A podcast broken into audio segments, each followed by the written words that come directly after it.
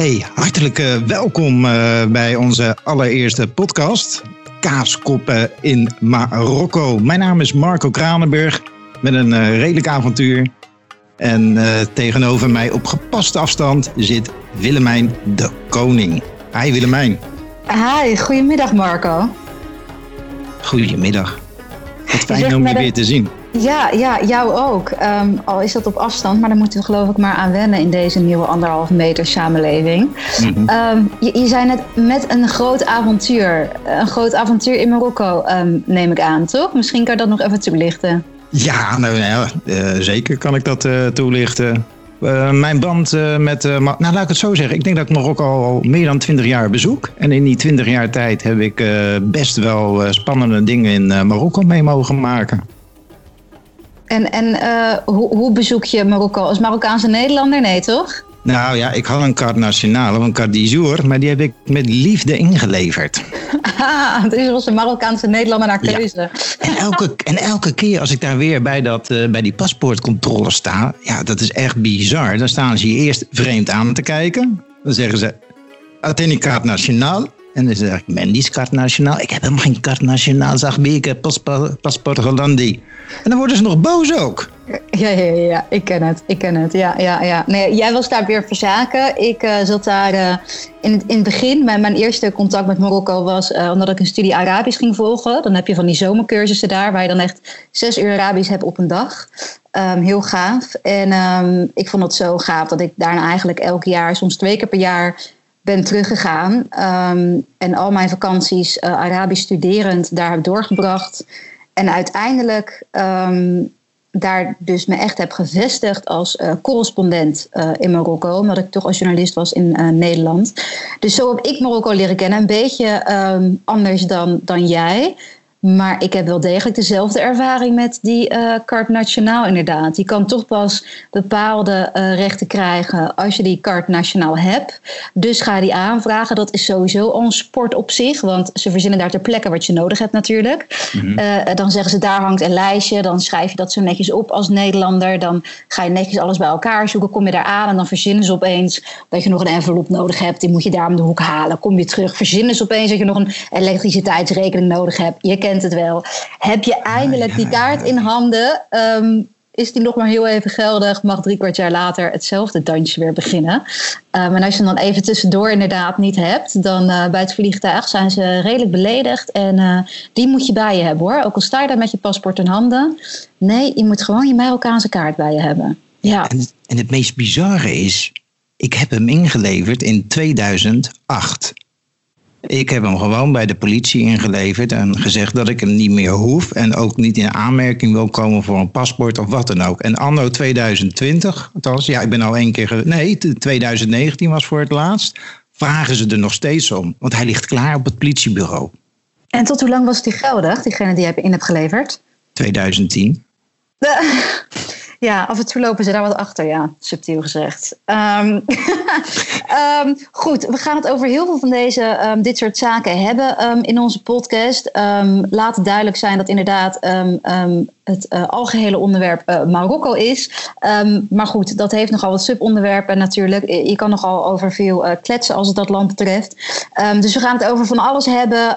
van armoede, mensenrechten, gewoon lekker op vakantie in Marokko. Maar voor nu is het eerste wat in ons hoofd opkomt, denk ik, als wij Marokko zeggen, toch wel met alles wat er om ons heen gebeurt. Corona en de gezondheidszorg. Ja, want hoe gaat het daar? Heb jij daar al wat het een en ander van meegekregen? Jazeker. Um, het, het, is, het, is, het is lastig daar. Het is een algehele lockdown. Um, maar voordat we daar um, misschien wat verder op ingaan, moeten misschien eerst de mensen die nog niet zo heel goed een idee hebben uh, van Marokko eventjes vertellen hoe de gezondheidszorg daar überhaupt aan toe is. Om het een beetje in een uh, plaatje te kunnen zetten en perspectief te kunnen zien. Want wij Nederlanders kunnen ons niet, heel veel Nederlanders kunnen ons niet voorstellen hoe het daar is. Ik heb bijvoorbeeld even opgezocht, want ik weet um, dat in Marokko besteden ze, en besteden met dubbel D, dus in het verleden, maar mm. 6% van het algehele budget aan de gezondheidszorg. En ter vergelijking in Nederland is dit 27%. 6%? Ja, en in Nederland is het 27 procent. En zelfs wij klagen nog dat onze gezondheidszorg niet goed genoeg is. Dus even om een idee te geven. Um, hè, uh, en even om te kijken hoeveel. Uh, uh, er zijn heel weinig ziekenhuizen. Hè? Dus een soort, er zijn publieke ziekenhuizen heel vaak daar. Mm. Um, maar goed, er zijn er redelijk wat. Ook als je dat vergelijkt met Nederland, is dat redelijk. Nou, gelijk wil ik niet zeggen, maar het verschil is niet heel groot.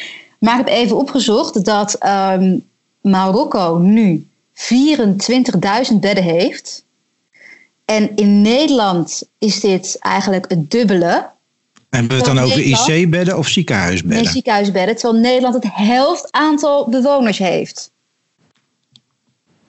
Even dus- voor onze beeldvorming. Over hoeveel populatie hebben we het in Marokko? 35 miljoen? Ja, het, ja, nu gaan we richting de 36 miljoen inderdaad. In Nederland, wij hebben 17 miljoen mensen uh, en dus 40.000 bedden. Dus, hè, en ik ben eens een keer in zo'n openbaar ziekenhuis geweest. Um, ja,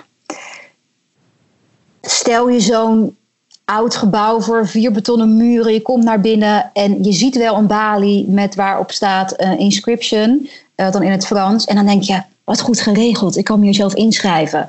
Maar daar zit er niemand in dat hokje natuurlijk. Mm. En je gaat naar binnen en dan is het een soort van. Ja, er loopt alles door elkaar. Politie, artsen, maar vooral heel veel bewoners die gewoon aan het huilen zijn. Het is een soort, soort wedstrijdje. Daar wie het hardst helpt, wordt het eerst geholpen. Um, en, en als je vraagt waar moet ik zijn, word je naar een, een of andere hele grote kamer geloodst. Waar nog meer mensen aan het huilen zijn. Uh, met halve benen eraf, half bebloed. En, en, en dan is er één dokter in een kamertje daarnaast aan het werk, waar je maar hoopt een keer binnen te mogen komen. Uh, ik, ik was zo bevoorrecht dat ik uiteindelijk uh, uh, privé-dokters kon laten komen, want ik kon daar niet op wachten. want ik had hete thee over mezelf heen gegooid. Dat doe ik ook nooit meer. Maar dat om een beetje een idee te geven van hoe die gezondheidszorg in elkaar zit. Dus het is niet zo als je daar corona krijgt met zware klachten. Laten we ook niet vergeten dat het kan betekenen hè, dat je gewoon een beetje grieperig of verkouden bent. Uh, maar als je dus die zware klachten bent, is het niet zo dat je net als in Nederland naar de IC kan, een goed beademingsapparaat hebt, goed personeel om je heen hebt, um, die kundig uh, um, uh, opgeleid zijn. En dat je er waarschijnlijk wel weer bovenop komt. In, in Marokko is het corona, dat heeft veel meer kans om gewoon je doodsvonnis te worden. Dus zo erg is het. En vandaar die totale lockdown? Ja, dat denk ik wel. Uh, ik ben heel benieuwd hoe jij daarover denkt. Maar dat is wel het eerste wat ik, wat ik dacht. Want ik weet nog dat in Nederland.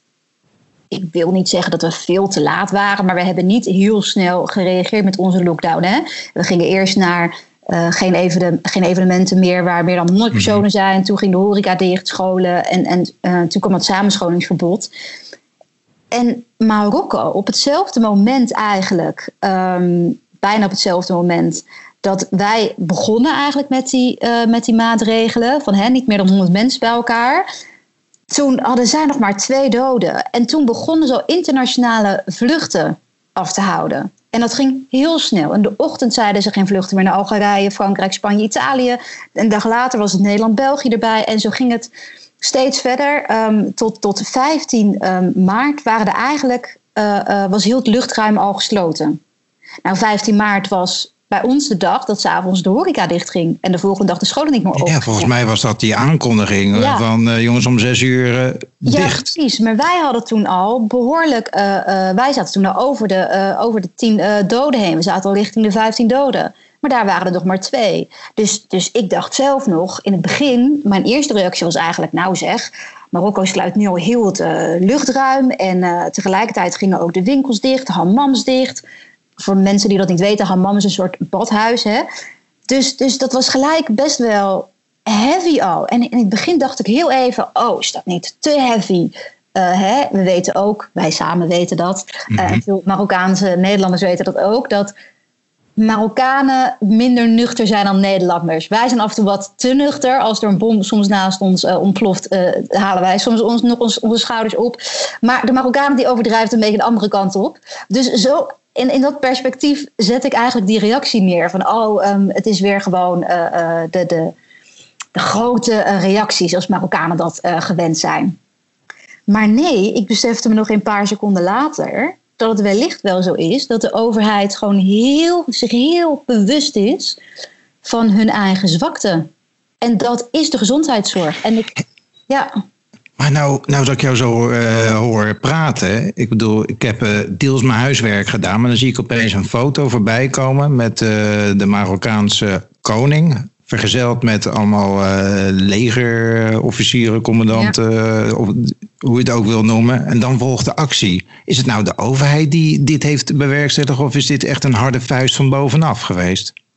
Nou, dat weet je nooit natuurlijk. Want um, dat is in Marokko verweven. Want de koning kan de regering zo naar rechts swipen. Uh, alsof we op Tinder zitten. Uh, als hij daar zin in heeft. Uh, en als de koning iets besluit, moet de overheid dat, de regering dat in uitvoering brengen.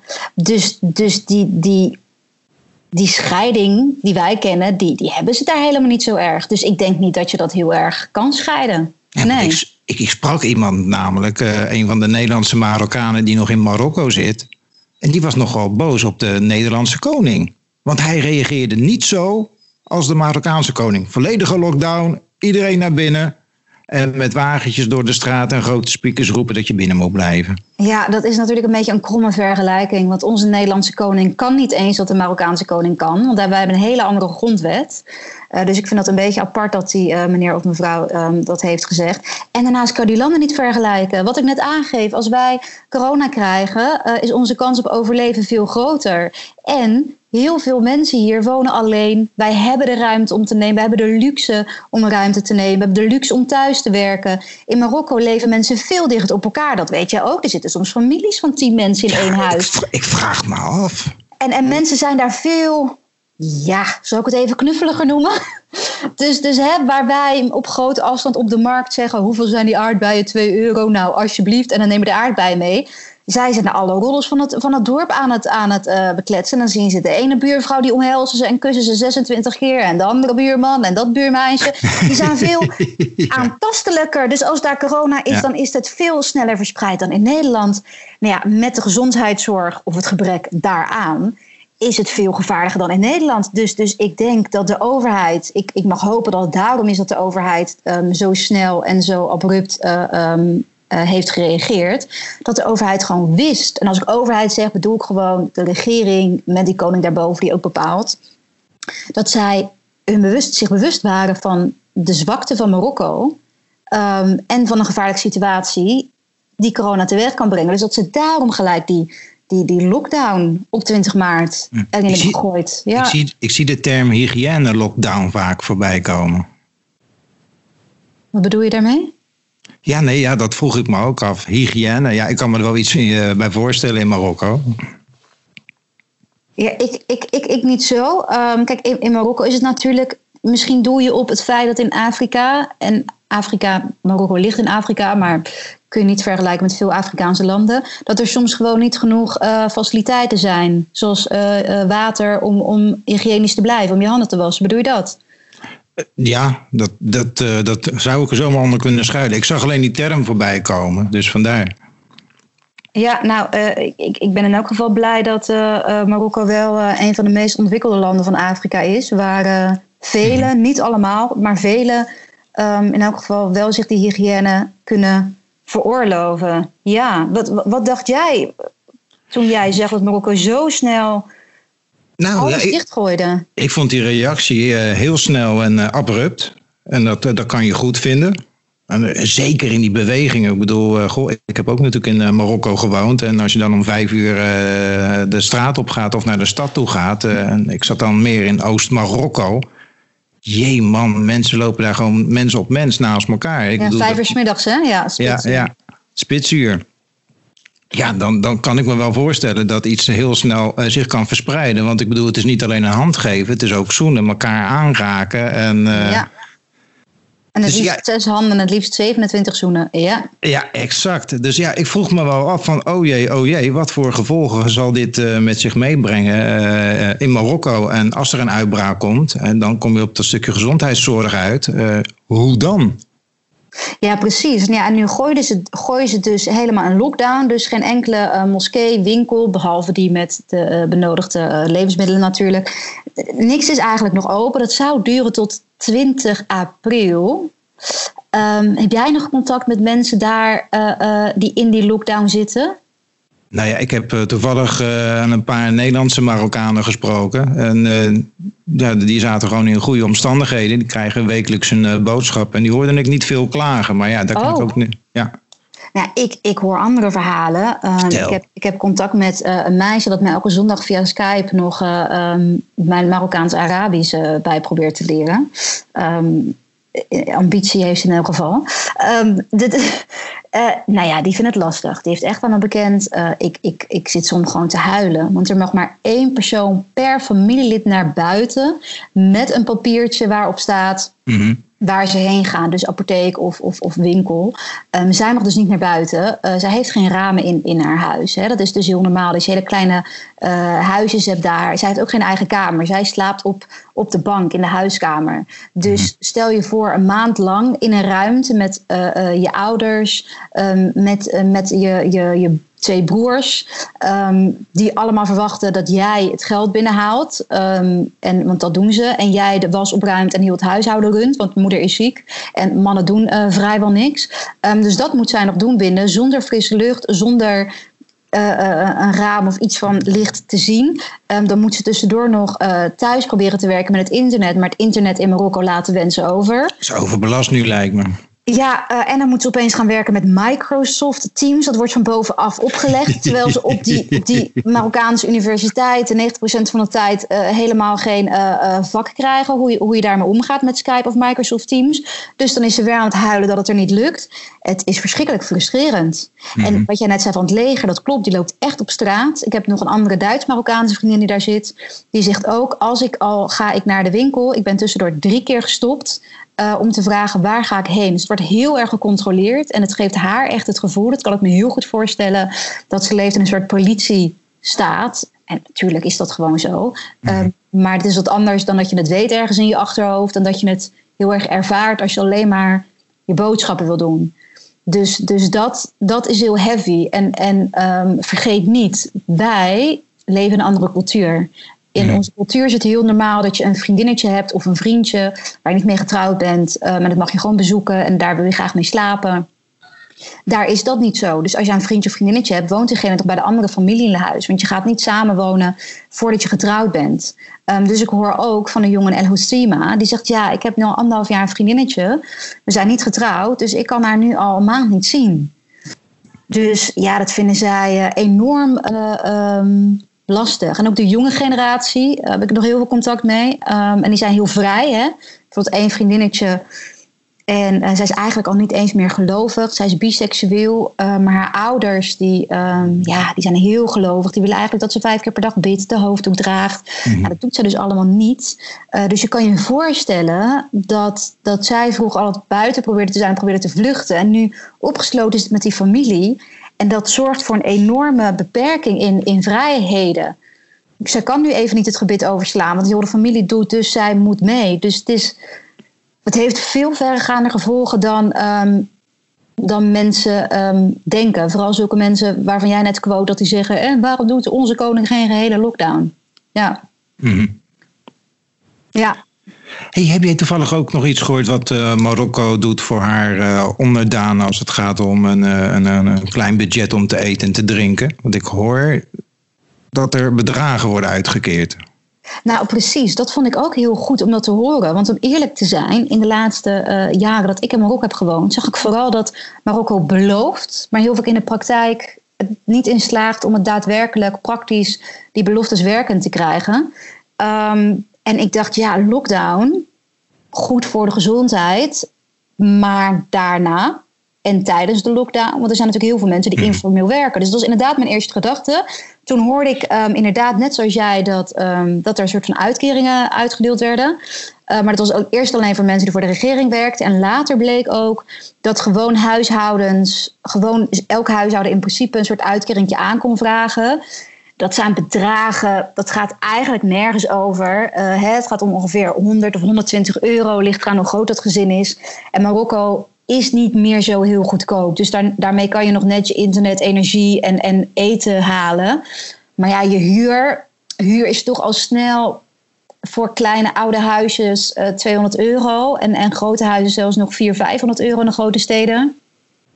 Dus het blijft lastig. Dus ik vind het wel hartstikke goed dat de overheid dat doet, inderdaad. Um, en zelfs voor informele werkers ook begrepen dat die wat kunnen aanvragen via WhatsApp. Heb jij daar meer over begrepen? Nou ja, dat hoorde ik dus ook zoiets. Ja. Een een of andere sms of uh, WhatsApp systeem. Want mijn vraag was toen gelijk: hoe vraag je dan zoiets in Marokko aan? Want ik bedoel, als ik het dan probeer voor te stellen, dan is dat uh, een papierwinkel met allemaal timbers, zegeltjes en stempeltjes. En van loket ja, A naar loket B en loket C.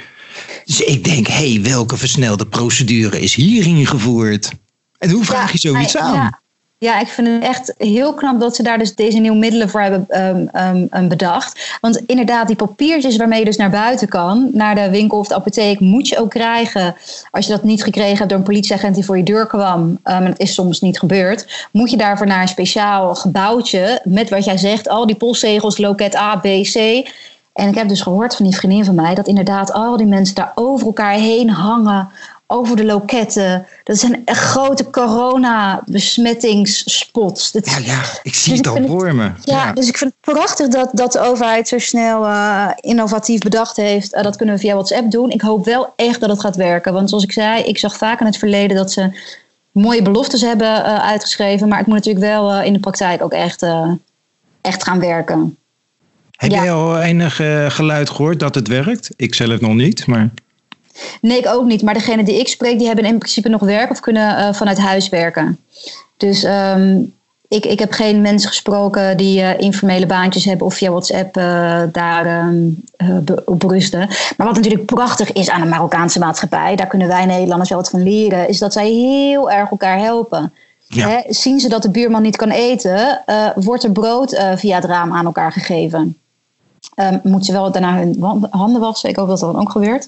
Maar goed, dus, dus dat is natuurlijk prachtig. Dus Een stukje sociale controle en, uh, zelf, en cohesie. Ja, ja, dus mocht de overheid uh, um, te wensen nalaten, um, kunnen denken in elk geval heel veel mensen al gered worden door elkaar. maar ja, dat zijn de echte Marokkanen. Uh, wij horen natuurlijk voornamelijk in de media over Nederlandse Marokkanen die daar vastzitten hey, heb jij maandag nog uh, toevallig NPO uh, eh, beluisterd? Ja, ja, ja precies. Hebben ja. wij datzelfde stukje toevallig gehoord? Ja, ik denk het wel. Waarin Wilco, de verslaggever van NOS, uh, uitlegde um, dat hij vond, of waar het dan aan zou liggen, dat Nederlandse Marokkanen inderdaad vastzitten, um, terwijl Frankrijk het wel nog voor elkaar krijgt.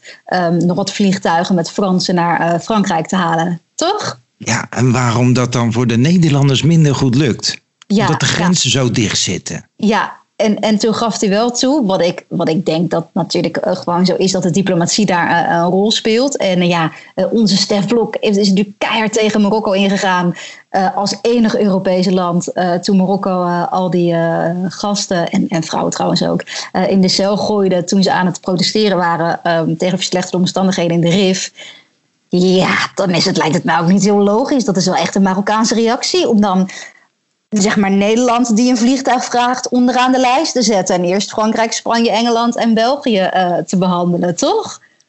Ja, ik, ik, ik begreep hem niet, want ik, ik werd getriggerd eerder door een artikel. Zes Nederlanders zijn terug. Ik denk, hè, heel vliegtuig voor zes Nederlanders, maar die vliegen met een Franse maatschappij terug. Ja. Dus, Precies, maar het is dus wel gelukt inderdaad om die Nederlanders daar zo mee te krijgen. Maar het zijn echt een schrijnende gevallen hoor. Het gaat om kinderen, uh, zwangere, mensen die geen medicijnen kunnen krijgen uh, in Marokko. Uh, maar er zitten er nog veel meer vast. Nog veel meer. Maar goed, Marokko heeft niks meer achter handen. Marokko zei steeds Um, nee, uh, we willen helemaal niet uh, uh, geen Nederlanders terugbrengen naar Nederland. gewoon heel het luchtruim, luchtruim zit dicht.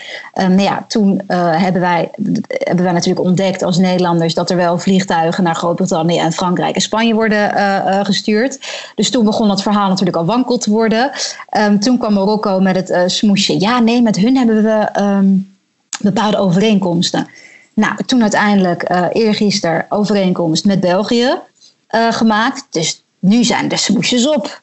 Uh, ze zijn onderaan die stapel. Daar ligt Nederland nog. Uh, met België kunnen ze iets in elkaar flansen qua overeenkomst. Moet het met ons ook. Dus smoesjes zijn op. Wat, wat denk jij? Wanneer gaat, gaat de rest van de Nederlanders thuiskomen? Dat is een, eh, een hele goede vraag, eh, Willemijn. Ik durf het je heel eerlijk gezegd niet te zeggen, omdat ik uh, me niet kon verenigen met de opmerking die de verslaggever maakte, dat de grenzen zo dicht zouden zijn en dat, ja, dat diplomatieke betrekkingen daar een, een, een betrekkelijke rol daarbij zouden spelen. Ik bedoel, zou het niet andersom zijn? Ja, natuurlijk is het andersom. Ik denk dat hij even zenuwachtig was, omdat Laura Renze toen behoorlijk uh, wat doorvroeg. Uh, van ja, maar is dat de reden? Is dat de reden? Um, en, en Marokko is er nooit dol op als er toe wordt gegeven dat uh, Marokko afstraft. Keihard. Um, als een land tegen hun mening ingaat. zij noemen het landsbemoeienis. Mm. Het, is het natuurlijk helemaal niet. Want toen Stef Blok wat zei, ging het over familie van Nederlandse Marokkanen in Nederland. Ging het over uh, mensen uit de RIF die vluchten en uiteindelijk in Nederland terechtkomen. Dus natuurlijk helemaal niet bemoeien met Marokko, maar gewoon met de consequenties voor Nederland.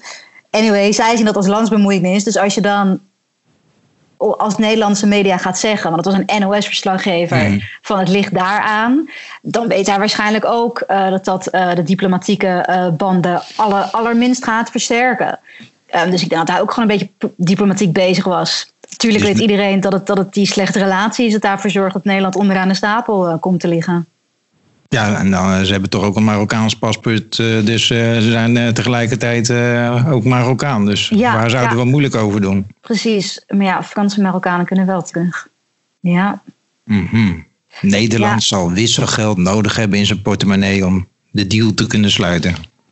Ja, zeker weten. Dus um, misschien uh, krijgen sommige Marokkaanse um, die hier illegaal verblijven in Nederland straks uh, alsnog een uh, mooi rood paspoort. Je weet het niet. ja, nou ja, laten we het maar niet over de onvredes hebben. Want daar heb ik inmiddels al een heel lijstje van gemaakt. Want het gaat niet alleen om de, de mensen die niet terug kunnen keren. Maar vanuit Nederland uit ontvang ik ook signalen. Nou ja, daar hebben we het nog een keer over.